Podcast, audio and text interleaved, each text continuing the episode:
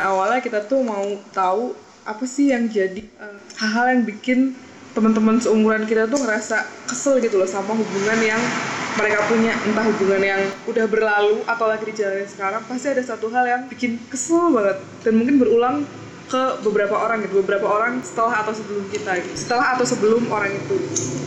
Tadi kita sempat uh, drop question di Instagram yang nanyain masalah itu dan udah dapat berapa feedbacknya ada beberapa sih yang menarik kayak masalah trust issue, overthinking, terus uh, insecure kayak gitu. Mending langsung aku bacain aja satu-satu. Yang pertama, paling kesel kalau ditinggal main game. Padahal sebenarnya cuma butuh pundak sama telinga buat diajak ngobrol sebelum tidur gitu. Ini dalam konteks mungkin orang yang udah menikah kali ya. ya mungkin seperti itu Hmm.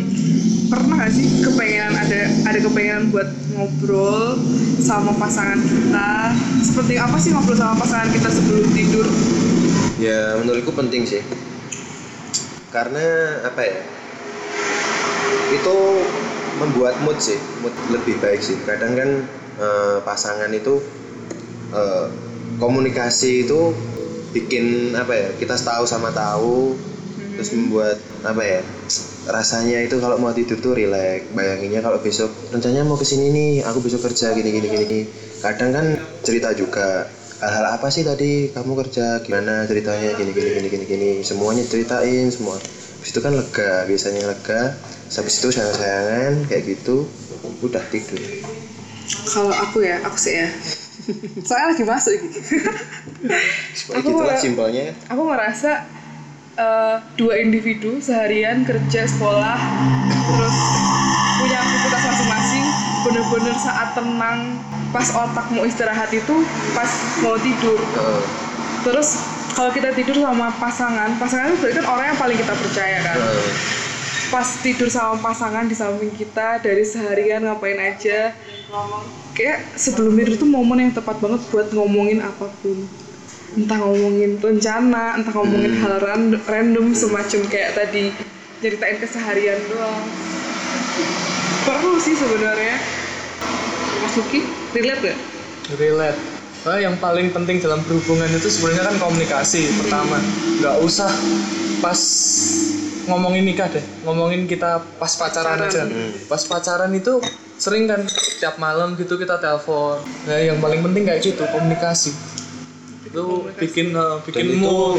tahu ibaratnya moodnya chemistry-nya mulai inilah terbentuk lah.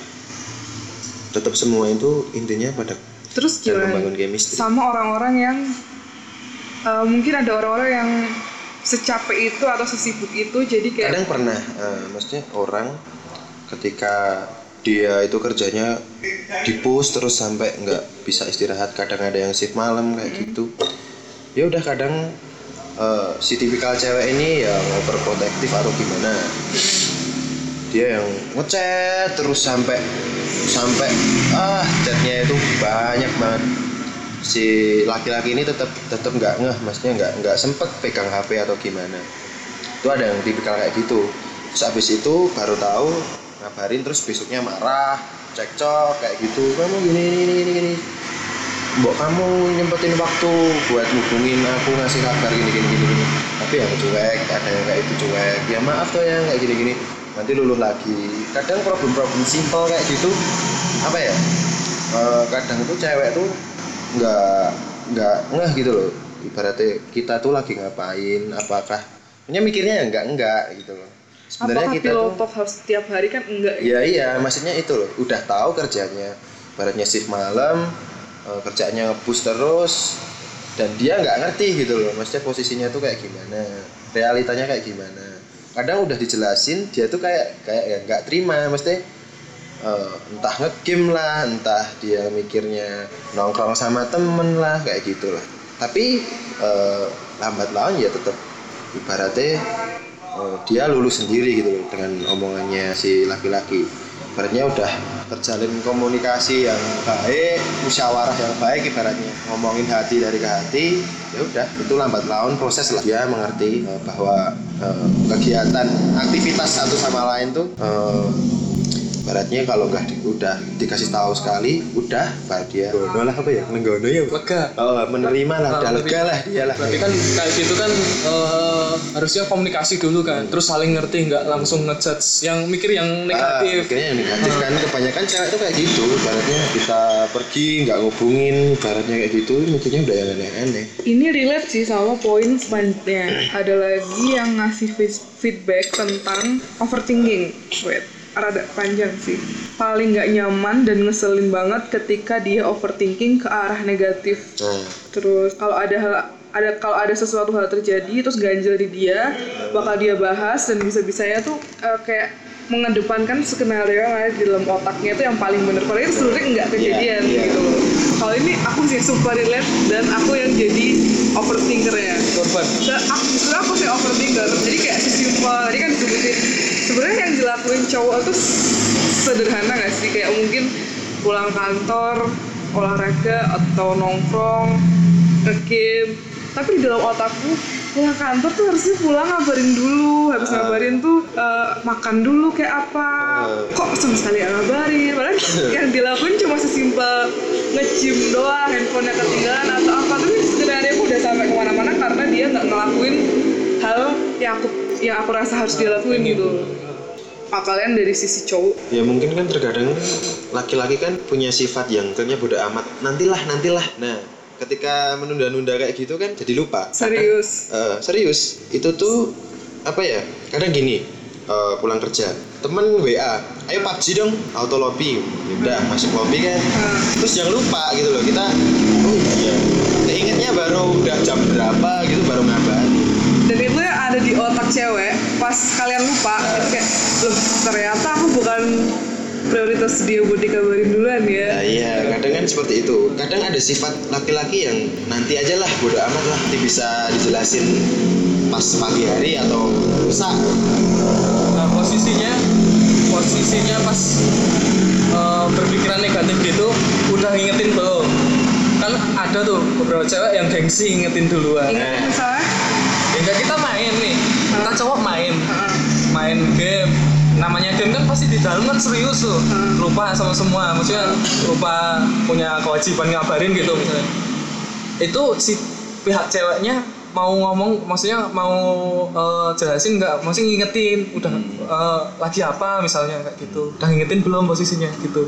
Tapi kadang ya ada kasus sketchy sih. Dia pulang kerja sama-sama pulang kerja eh, WA ayo yang PUBG ini dah PUBG PUBG bareng. Jadi ngobrolnya malah lewat PUBG Nah, nah. kayak gitu. Seru sih Nah, seru. Itu malah seru gitu. Hal yang ketemu. sama-sama disukai. Salah satu solusi salah kan, satu ya. solusi tapi ya. kan itu one in a million gitu. Iya. Iya cara Iya sih. tapi kadang kan itu bisa apa ya kadang kan eh, si laki-laki kan punya cara ampuh ya. Entah itu treat ibaratnya ini si A nggak doyan game sama sekali. Hmm. kenal sama ini. Dia yang suka game kayak gitu nah mulai deh ini dikasih tahu dicekokin lah ibaratnya ayolah coba ini game ini asik ini ini ini ini, lah lambat laun dia ya kayak ketagihan gitu loh. Mm. malah yang pro tuh yang cewek kadang. Kayak Seru gitu. sih hubungannya itu bisa seru sih itu keji sih beberapa kasus kayak gitu. Kadang kan yang pihak cewek itu gengsi mau ngomong duluan. Jadi tipikal orang Jawa itu kan kewan sukanya nahan. Mm. pas meledak yang namanya cowok kadang lupa lupa lupa lupa terus meledak pas udah nahan lama si cewek. Sama-sama yang eh karena semakin semakin dia lupa semakin si cowok itu diem entah Ya. diem lupa entah diem males ribut karena terbiasa kan kayak gitu. Dan si ceweknya juga makin banyak skenario nya Ah. gitu. Loh Iya, iya, kadang iya. tuh juga ini cowok tuh merasa males gitu loh ketika ketika masalahnya cuma di permasalahan cuma itu itu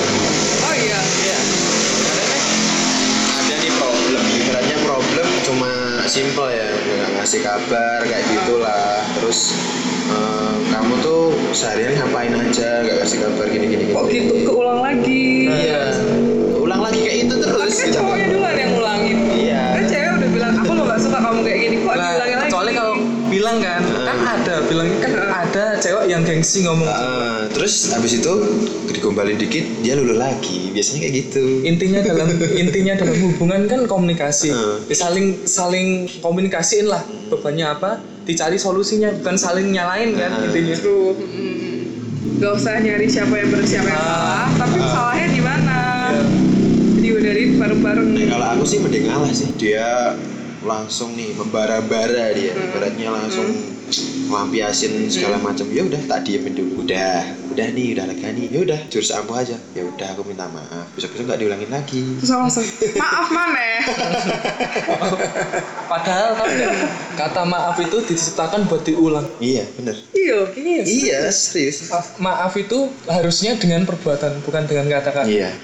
Terkadang tuh gini loh, kita udah sebenarnya kita udah ngasih perhatian. Kalau ketemu pun sebenarnya udah ngasih perhatian segala macam.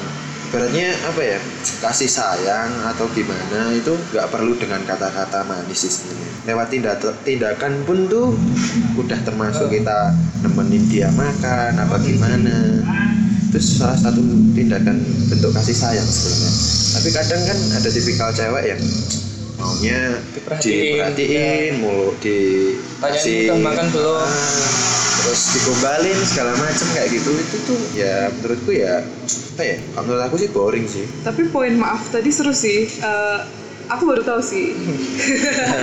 Kayak sebenarnya kalian tuh kapan sih merasa eh, di momen apa kalian merasa perlu menggunakan kata maaf? Dan di momen mana kalian merasa gak usah minta maaf aku tahu salahku apa.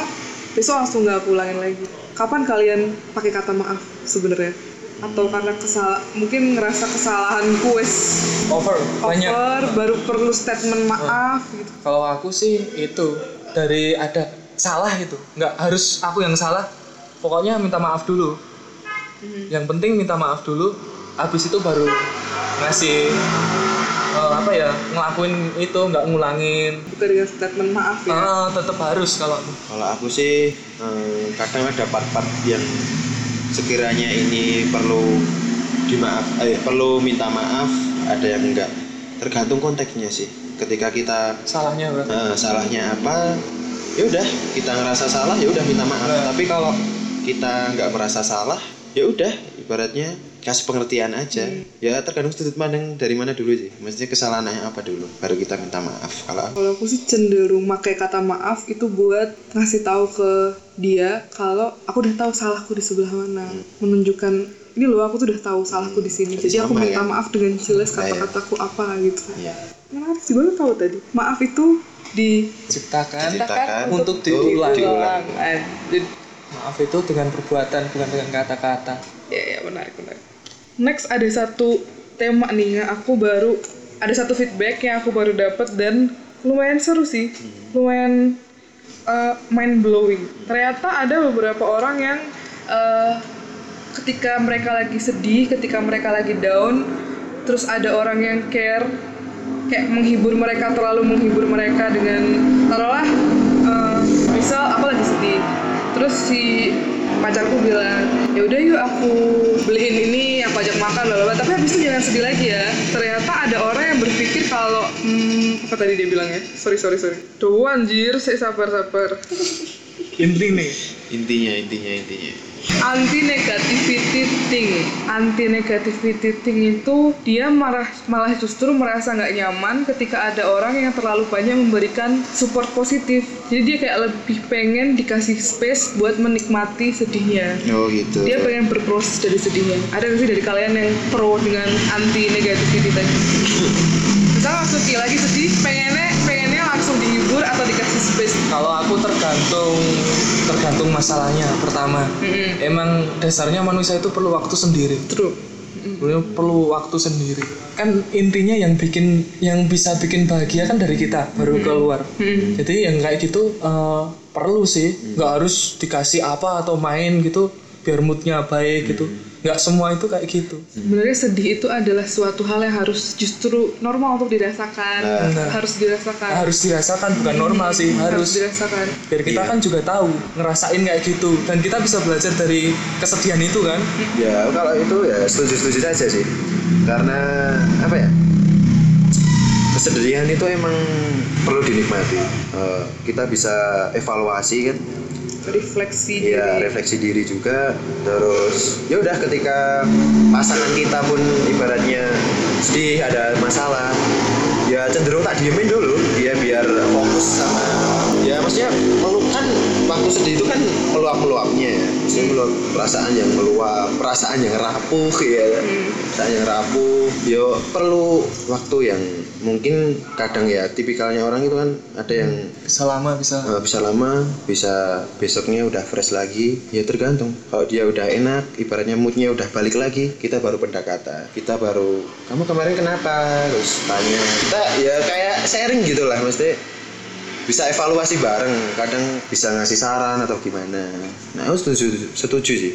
Kayak gitu setuju sih kadang pas ngalamin masalah itu kan awal-awal itu kita nggak bisa ngungkapin nah sebenarnya. nggak bisa ungkapin kan Maksudnya Pas cuma- lagi eh, pas pertama kena itu kan nggak kita mau ngomong tuh kayak nggak nggak connect gitu Eh, loh. susah. Maksudnya susah mau Ngungkapin yang itu di- susah. ngomong dari mana dulu ini masalah gitu loh dan kita perlu sendiri bisa. Jadi tidur tuh kadang kalau ada masalah tuh ya Paling mama bener tidur ya. iya mau rebahan tidur adalah sih. kunci.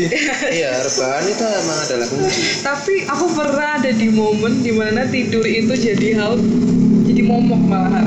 Saat tidur itu jadi momok karena eh, mungkin aku cenderung orang yang overthinker pas malam pas malam tuh kan nggak ada yang dikerjain Hmm. orang di sosmed udah sepi. Hmm. itu cenderung banyak banget pikiran-pikiran seharian tuh yang datangnya pas malam.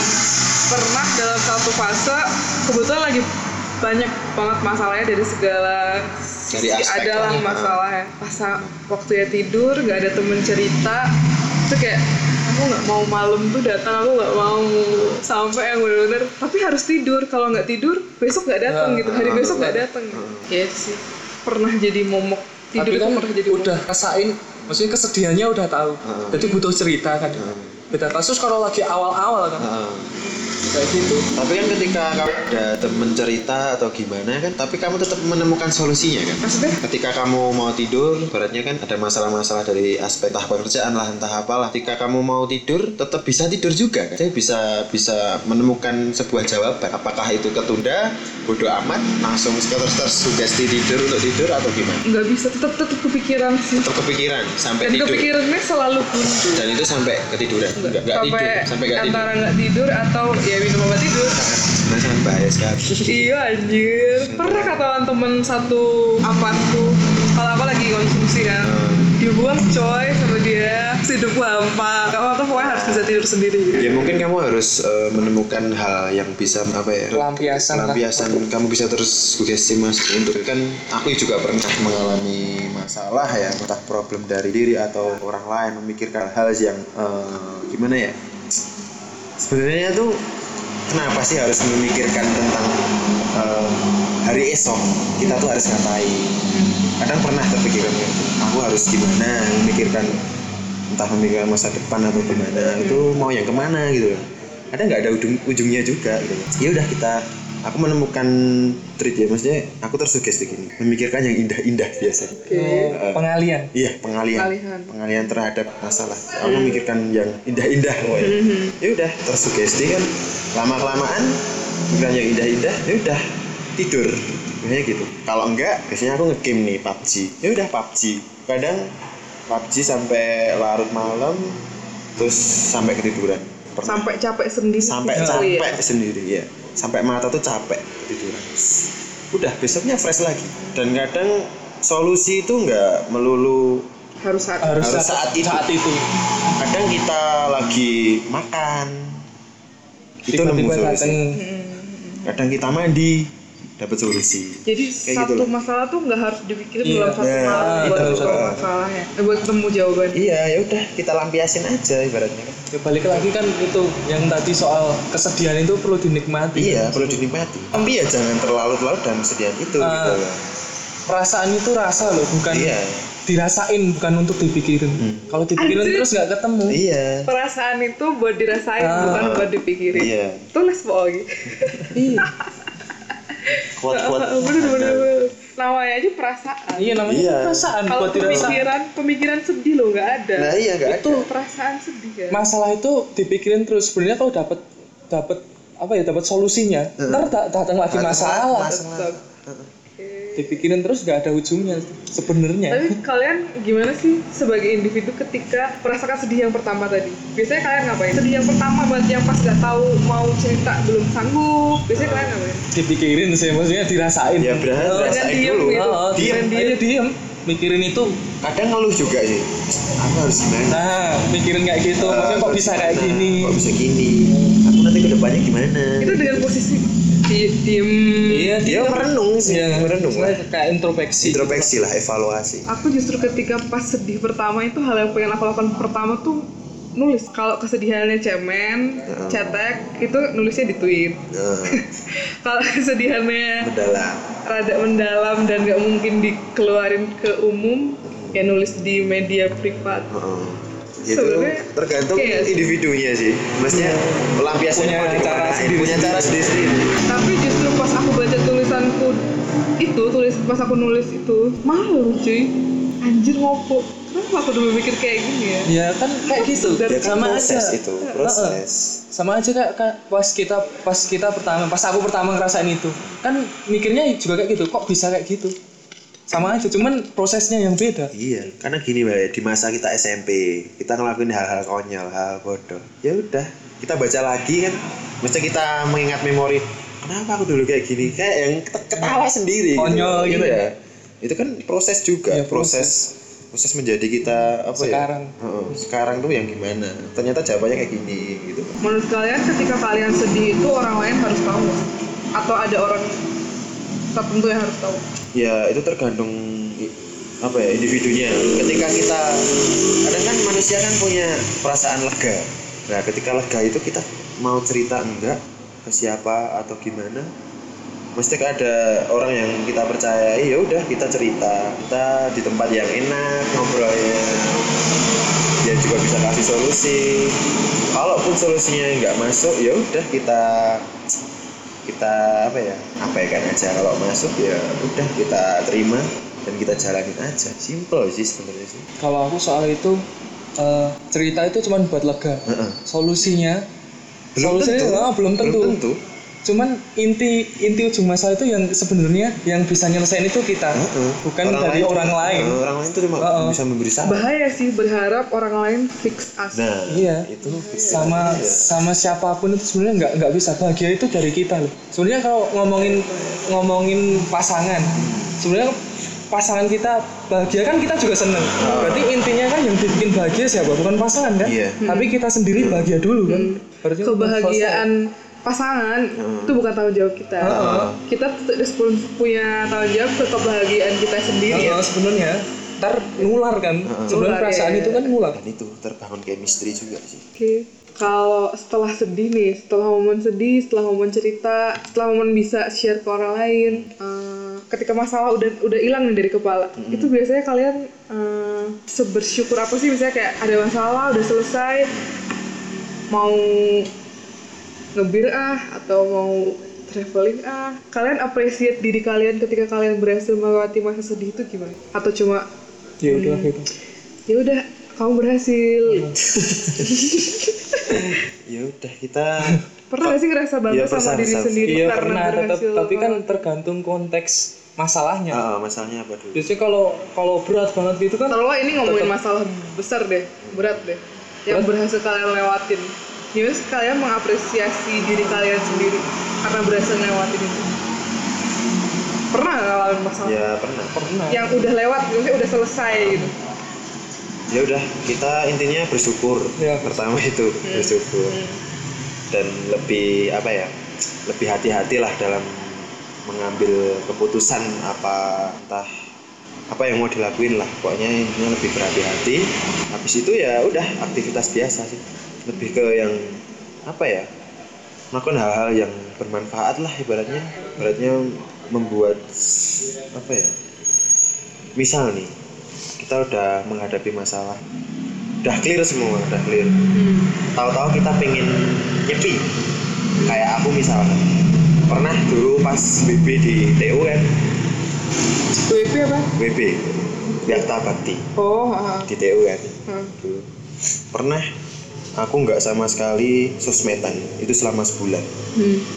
itu lega loh buat Sumpah, pernah sih aku. buat diriku lega. Karena apa? Ada aktivitas yang selama ini belum aku lakuin jadi aku lakuin. Karena nggak megang sosmed. Iya, waktu nggak- yang dipakai iya. buat megang sosmed bisa buat ngelakuin buat lain. eh, entah itu menanam entah itu membuat kerajinan entah itu pokoknya yang experience baru Iya, lah experience baru lah buat kita. Maksudnya buat buat diri kita itu jadi fresh itu sebenarnya. Kita kan melakukan aktivitas cuma itu melulu, itu melulu dan bangun tidur cuma itu melulu. Kadang kan aku merasakan kebosanan. Ya itu dengan itu treatmentku ya sos nggak pakai sosmed entah itu seminggu entah itu sebulan ya udah nanti ya secukupnya aja lah ibaratnya secukupnya tapi di sisi lain orang lain tuh kayak yang kamu kenapa sih? Kalau ya nah, kamu galau ya gini gini gini ya gini gini. Foto profil nggak ada fotonya kalau ya. kayak gitu. Kadang kadang orang lain tuh menganggapnya yang ke negatif gitu. Ah, ah, auto negatif. Nah, makanya. Kadang dia coba udah kasih pengertian tapi ya apa sih? Sok banget sih. SJW Iya. anjir. Sok banget sih. Kayak gitu. Padahal ini orang- pen- eh, ini penting tau. Sombong amat sih. Iya, ah. minta di telepon minta di Iya. SMS sombong amat sih. Kayak gitu pernah ngalamin sih. Ya aku perlu sih maksudnya media untuk menyepi Hmm. itu sangat perlu menurutku. Salah satunya ya itu eh, menghindari hiruk pikuk dunia maya kayak gitu.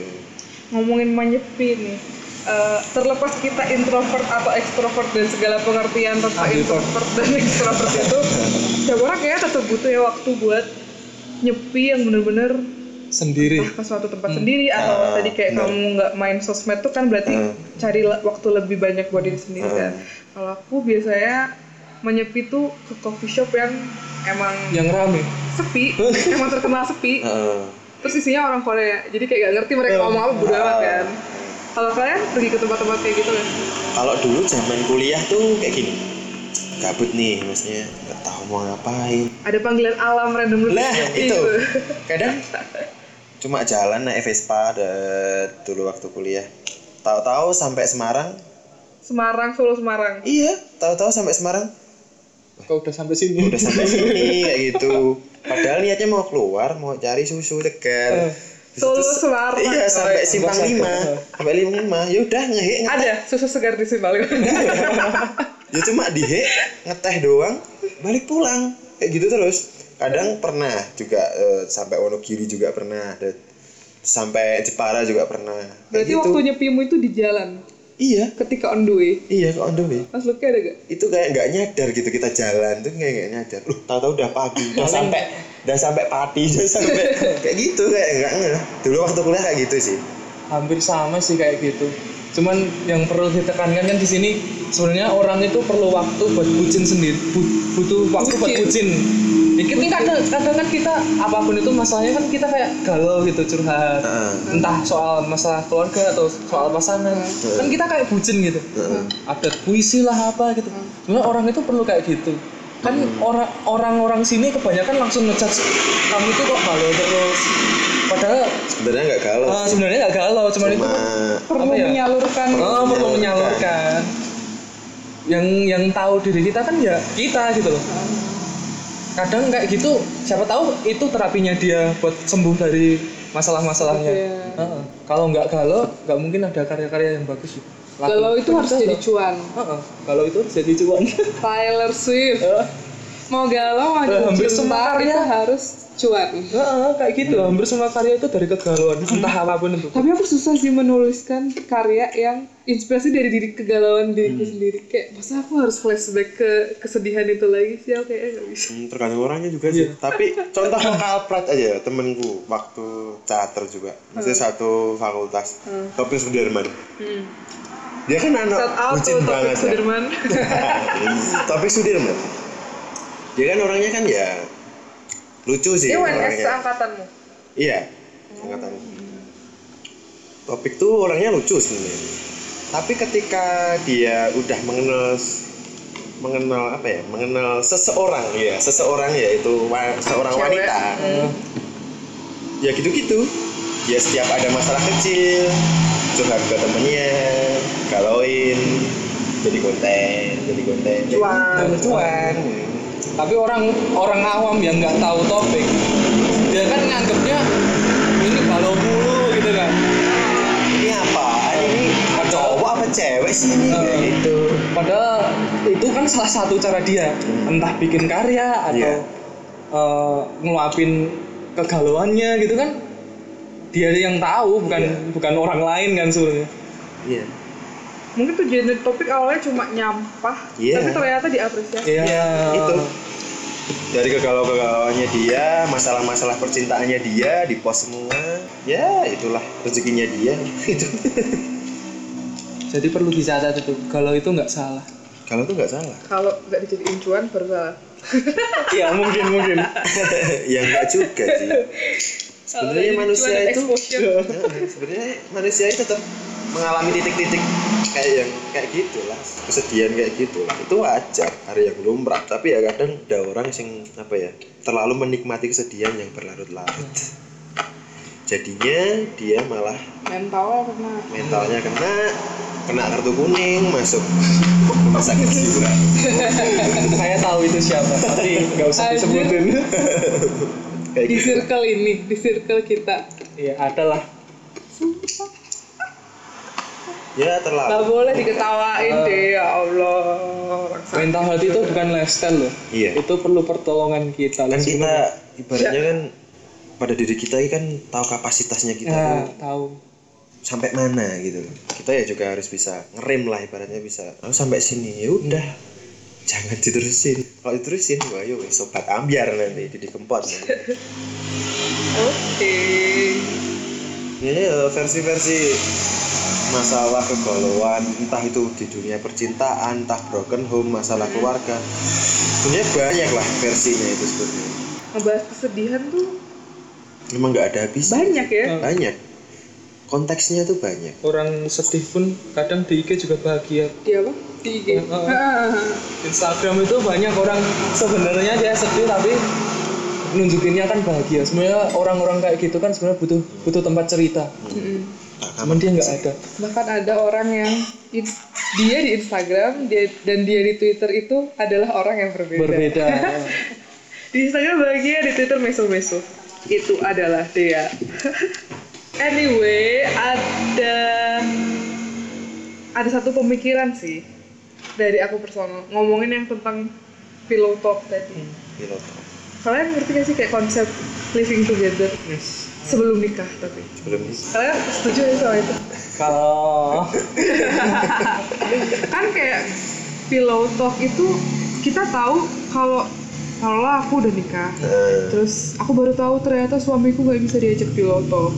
Sebenarnya hal itu bisa diantisipasi dengan kita Iya. living together. Iya kalau kalian setuju sih sama hal itu? Mengingat kita di Jawa. Siapa kalau aku setuju sih sebenarnya kalau soal living together.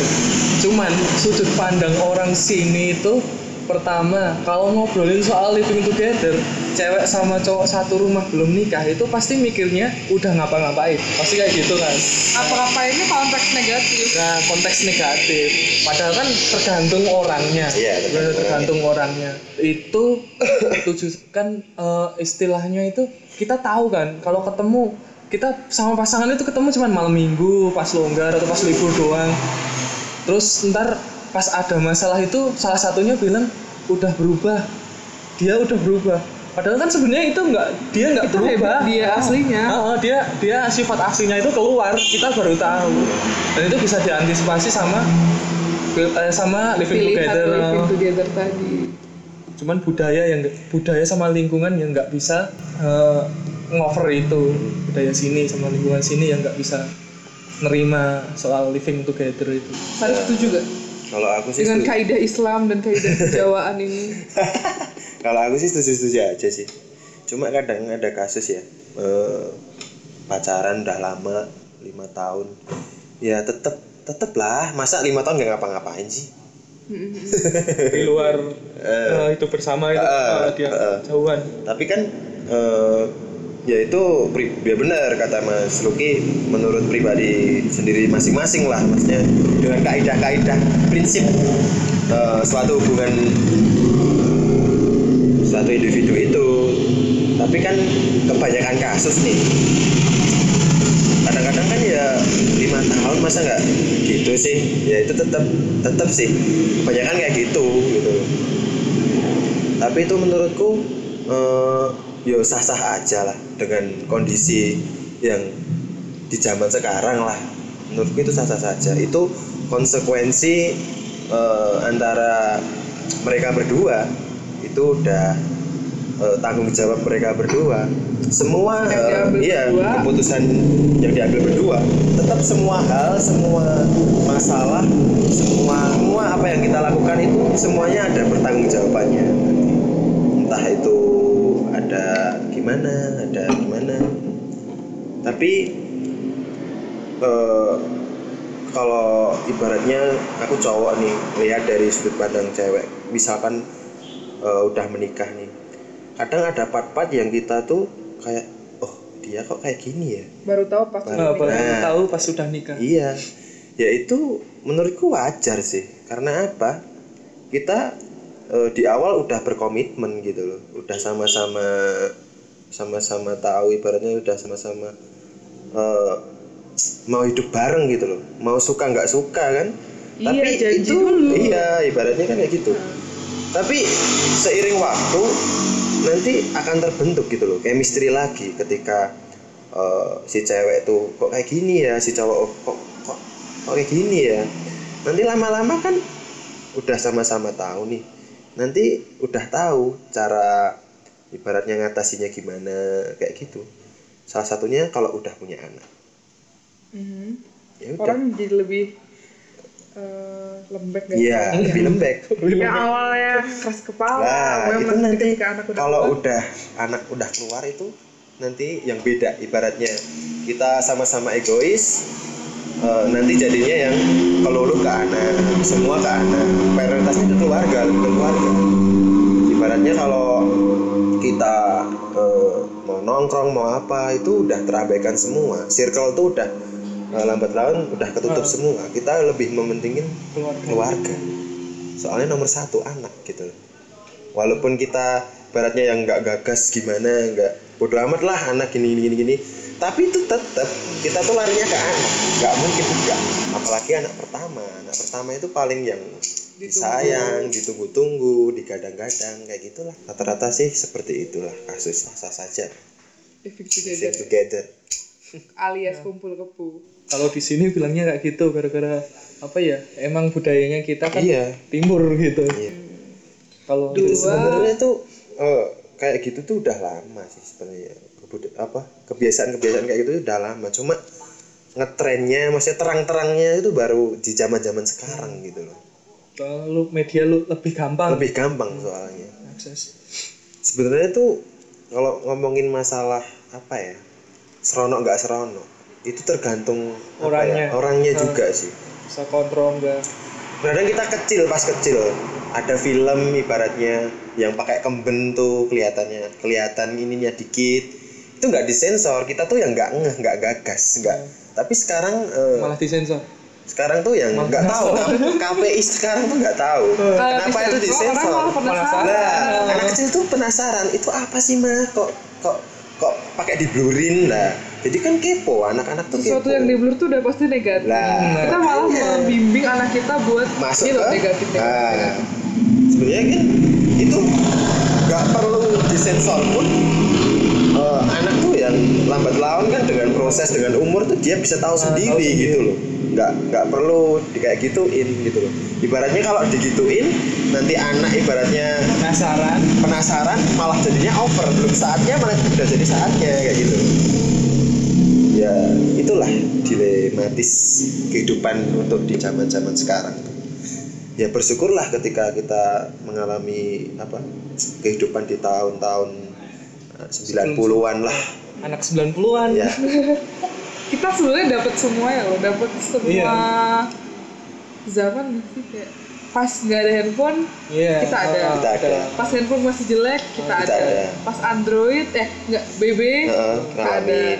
Android sampai sekarang secanggih ini kita nikmatin semua di usia masih produktif Eh, kan 90-an tuh yang paling lengkap sih iya sih harusnya harusnya karya yang dia bikin prestasi yang dia bikin lebih dibanding anaknya keluar dua dua ribuan. Iya, 2000-an ke atas. ngomongin living together tadi aku personal setuju sih. Setuju dan berminat untuk melakukannya. Kalau di depan jelas tujuan mau living together itu apa mau bener-bener kenal aku atau mau enak-enak? enak-enaknya doang. Kalau dia mau enak-enaknya doang dia akan datang jam 11 malam.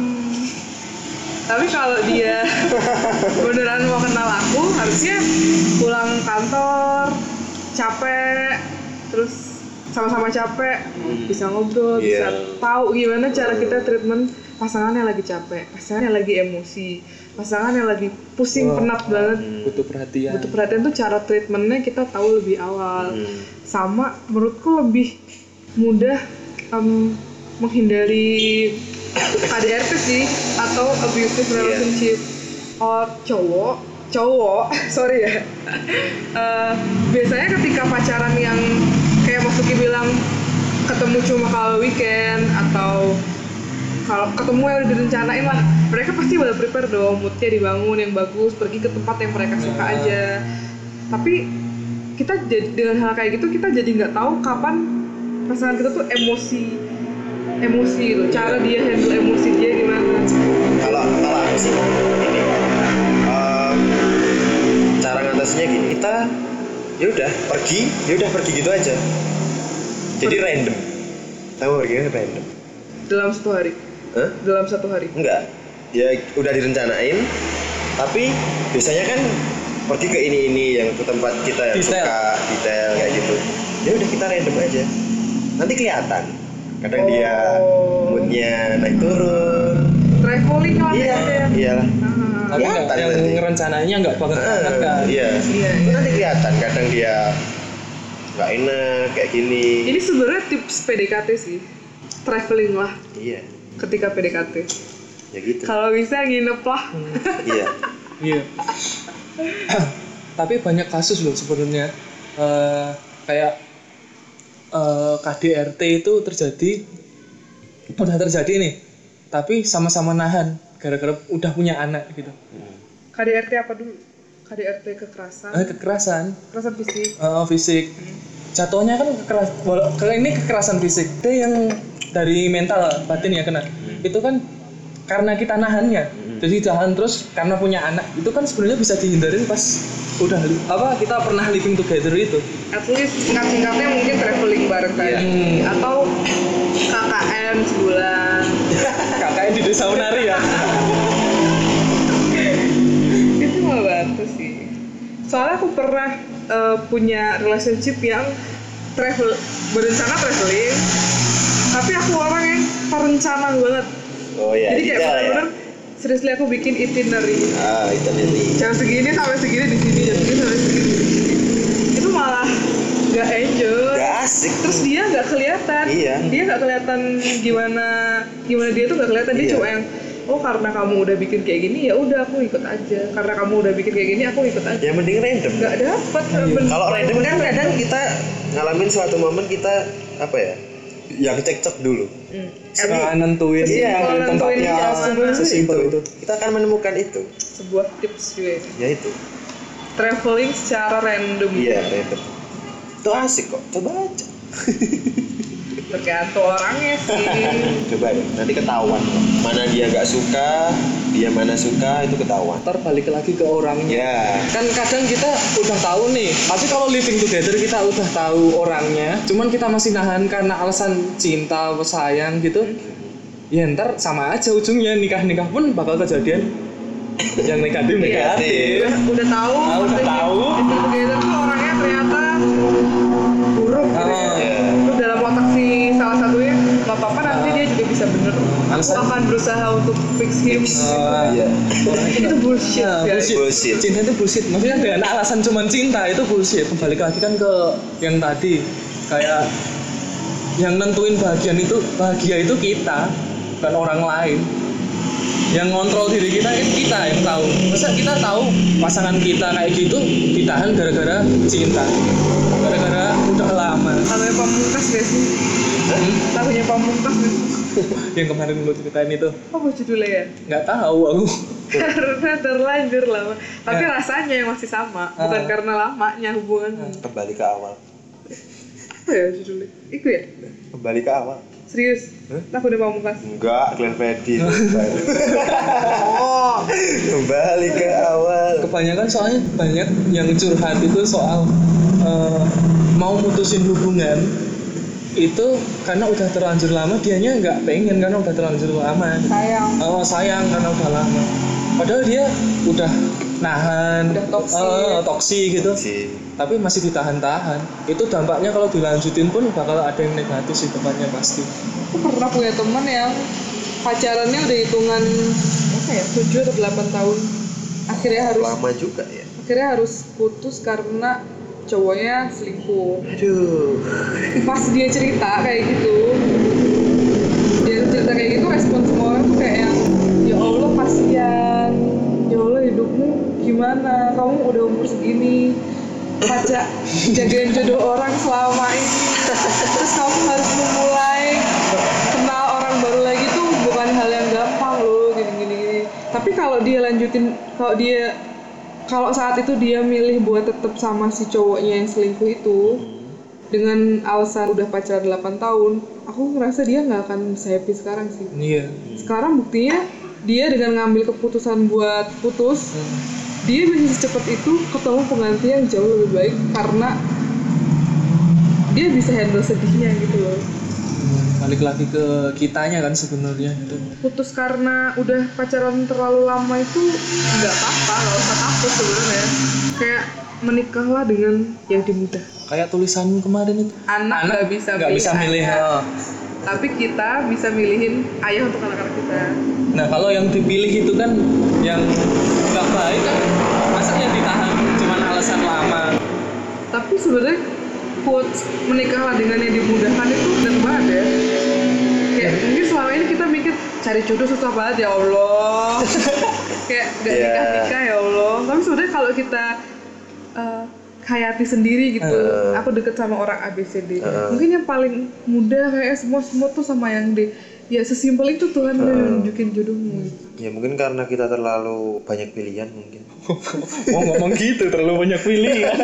Ada ono guys. Ya kadang kan orang kayak gitu ibaratnya. bukan bukan itu sih bukan terlalu banyak pilihan. Kitanya yang terlalu banyak milih. Nah iya benar benar terlalu banyak terlalu banyak kriteria. Terlalu Ya, banyak kriteria. benar, terlalu banyak kriteria. Padahal kriterianya cuma satu, yang mudah aja lah yang mana. iya. Kadang tuh ya bingung ibaratnya udah jalan lama sama yang A terus ada pendatang baru yang B itu juga bingung gitu ya iya Betul ngerasain gak sih? Kemarin udah sempat cerita sama Mas Luki sih.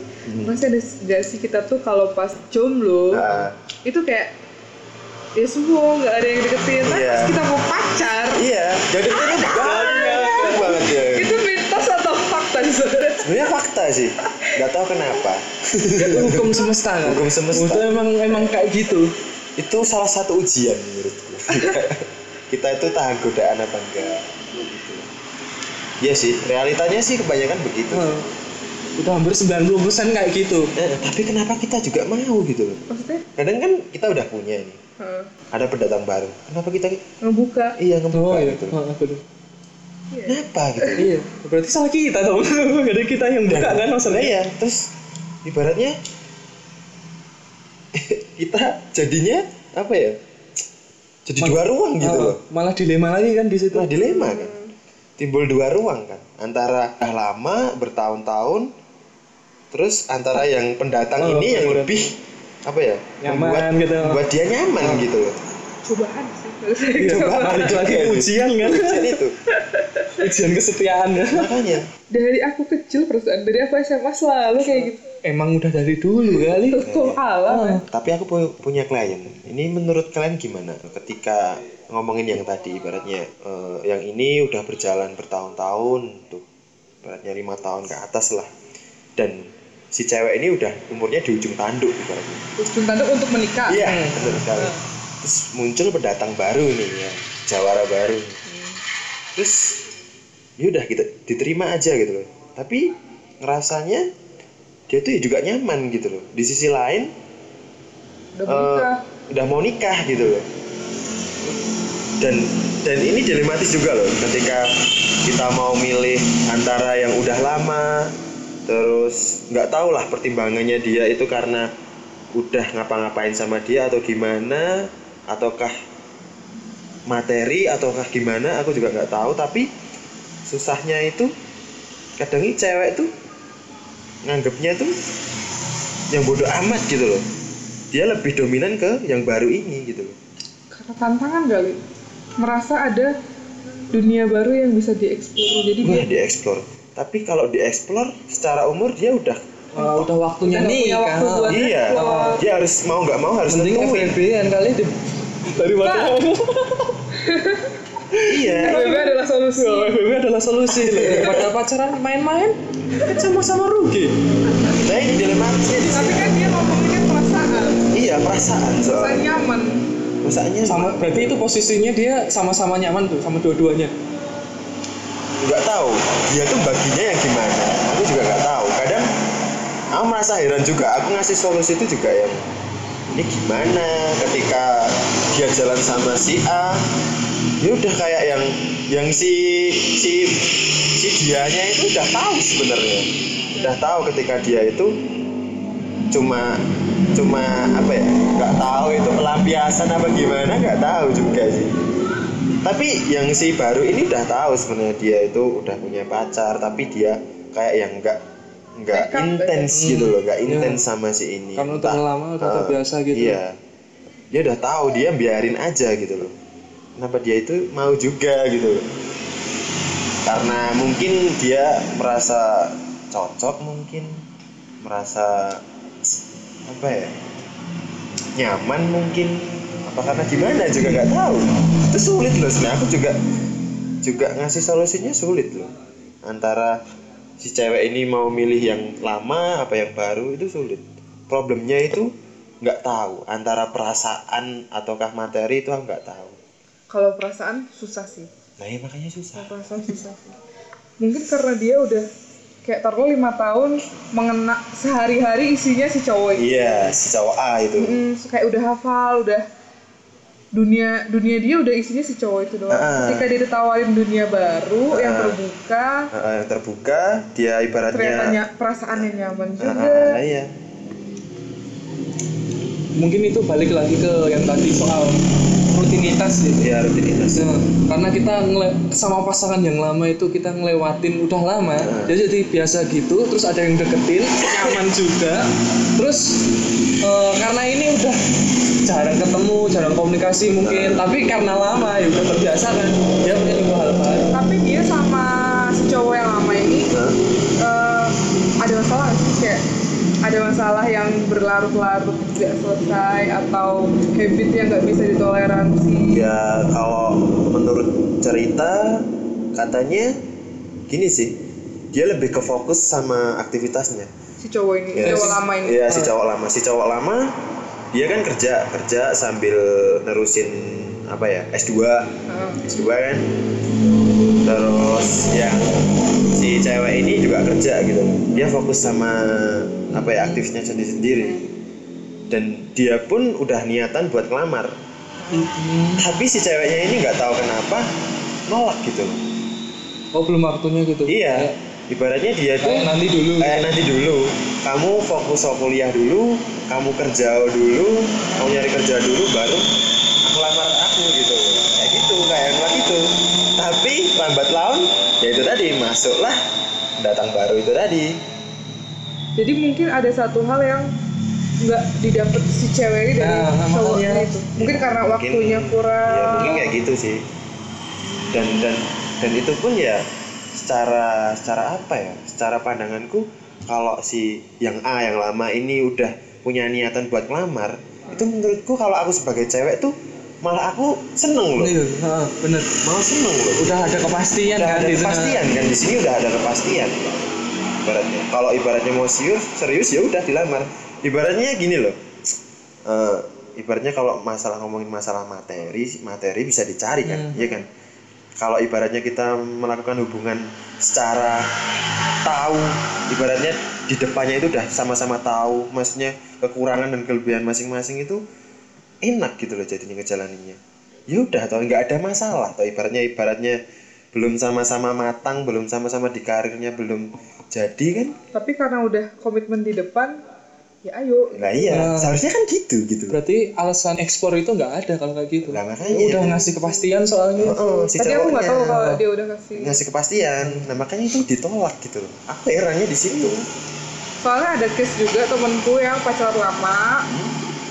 Tapi ternyata selama dia pacaran itu ada satu hal yang nggak didapat eh nggak bukan jadi dapat sih ada satu masalah yang ditahan lama karena Oh. si salah satunya overprotective Oh, gitu. jadi dia terbiasa sama hubungan yang overprotective selama sekian tahun Hmm. terus di satu poin salah satunya nemuin orang lain yang Hmm. nggak bisa ngasih dia Oh, space oh. bisa ngasih dia eh, ruang Oh. buat berkarya yang lain Iya. gitu dan dan dia itu ya jadi belok ke orang baru ini Nah. udah bodo amat sama hubungan dia yang sebelumnya. Ya kan tapi kasihan dia gitu. nggak ada komitmen di awal kayak si mbak lah ya tapi ini kasihan gitu loh yang si A ini. Arahnya mau ke mana gitu loh? Si cewek ini mau arahnya yang ke mana gitu ceweknya yang bego sih kayaknya sih. Ceweknya yang bego. Terlalu liar. Terlalu liar. ini. Lah ya ibaratnya nggak tahu mau dia mau dia sendiri apa kayak dia juga nggak tahu. Lah ya ibaratnya sudah umur udah ibaratnya udah umurnya udah matang gitu loh dia kenapa maksudnya menunda-nunda seperti Oh. itu gitu. Loh oh aku tahu aku tahu. Itu masalahnya mungkin ya ini di ceweknya dia nggak tahu yang dicari itu kayak apa. Nah. Jangan-jangan yang dia cari nggak ada di dua cowok itu Ah, ah, makanya. Hmm, Jangan-jangan berarti nih. berarti dia harus explore lagi. Ah, explore.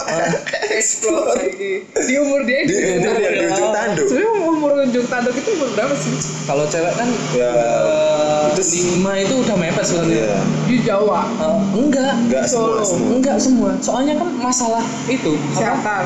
Enggak. Jadi di umur berapa gitu eh, rahim itu udah enggak enggak Iya, bisa kesehatan, nah. ya. iya makanya itu. Kalau cowok enggak ada gitu. kalau cowok ibaratnya orang tuanya udah sama-sama tua ibaratnya suruh buruan buat nikah tapi dia yang nunda-nunda kan kasihan gitu. Tapi kalau dan yang kedua ini apa ya? Dia nggak tahu kenapa menerima aja gitu. Kedua tuh si pendatang ini. Iya dia udah tahu gitu. Oh, udah tahu posisi dia Oh, punya. udah tahu tapi dia kenapa menerima gitu loh. Hmm goblok juga sih. Semua orang digoblok-goblokin. Iya, dia menerima ibaratnya pacaran ibaratnya udah lama bertahun-tahun lima tahun lebih nggak mungkin dong nggak ngapa-ngapain. Kok masih senekat itu untuk Lah iya. anda? Lah iya gitu loh anda sedang memacu adrenalin. Iya. Adrenalin amplifier amplifier. Break amplifier. Ya itu loh aku nggak bisa ngasih saran yang kayak gitu mesti itu Mungkin susah sih. coba ini sih. Eh Oh, cari masalahnya dulu sih sebenarnya. ya oh nggih nggih pak. Soalnya gini antara mereka ngomong tuh kayak kayak ada sesu- sesuatu yang disembunyiin sebenarnya menurutku loh ya. Pas dia curhat. Enggak, pas iya maksudnya si antara si cowok yang baru sama si ceweknya ini tuh kayak enggak inilah si ceweknya ini kayak enggak yang enggak belak belakan gitu loh. Maksudnya pengen pengennya dia tuh kayak gimana itu gitu dia juga nggak tahu. Iya dia nggak tahu sih. Kayaknya nggak tahu. Coba balikin ke dia aja di antara Hmm. dua orang itu ada yang mudah nggak kalau dua-duanya Masih sama-sama simpel susah gitu ya? berarti jodoh masih di luar pak masih jauh jodoh Lah ya makanya itu loh. Kadang kan kita yang orang lain tuh nganggapnya gini, ah tinggal milih, tinggal ngene, gampang. Soalnya kalau pilihan milih, dia- gitu. di Dia antara sendiri nggak tahu. nggak ada yang Oh. sesuai dia mau ternyata Nah iya, yang diresahkan dia tuh apa gitu loh. balikin lagi aja sih.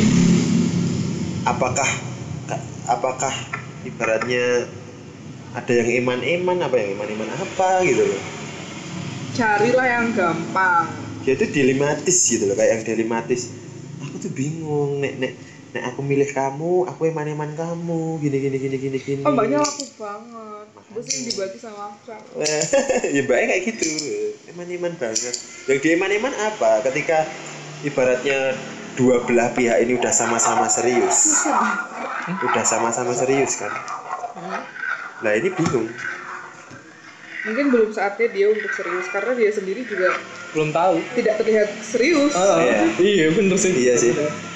Belum saatnya dia soalnya pendatang ini bilangnya juga mau serius gitu loh padahal kasihan si cowok yang pertama sih ya dua-duanya deh Dua-duanya. dua-duanya punya niat baik soalnya. Punya niat baik mau nikahin terus di suatu sisi yang pertama ini juga kasihan karena sudah niatnya baik sudah kenal Dari sama awal. orang tuanya ibaratnya udah mau dilamar tapi dia nolak terus yang di sisi sesi keduanya si pendatang ini juga kasihan karena eh, lima tahun itu yang nggak maksudnya nggak sebentar ibaratnya dia nggak tahu ibaratnya dia itu fresh apa enggak iya kan?